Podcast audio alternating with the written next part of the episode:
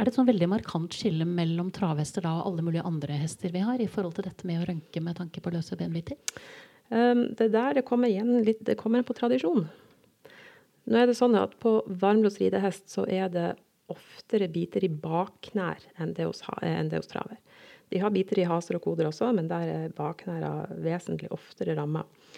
Um, og man kan si at på en ridehest så vil spesielt biter i baknær vil kunne skape store problemer hvis dette ikke gjøres noe med. Men også bitene i hasen og kodene vil, vil kunne, kunne, gi det vi kaller for artroseforandringer. Så, så, rett og slett ødelagt leddbrusk på sikt hvis det ikke fjernes tidsnok, tidlig nok. Så rutinemessig så bør en sjekke unghesten sin for biter også på ridehestsida. Da har vi en mulighet til å, å gjøre noe forebyggende før disse ledda blir ødelagt.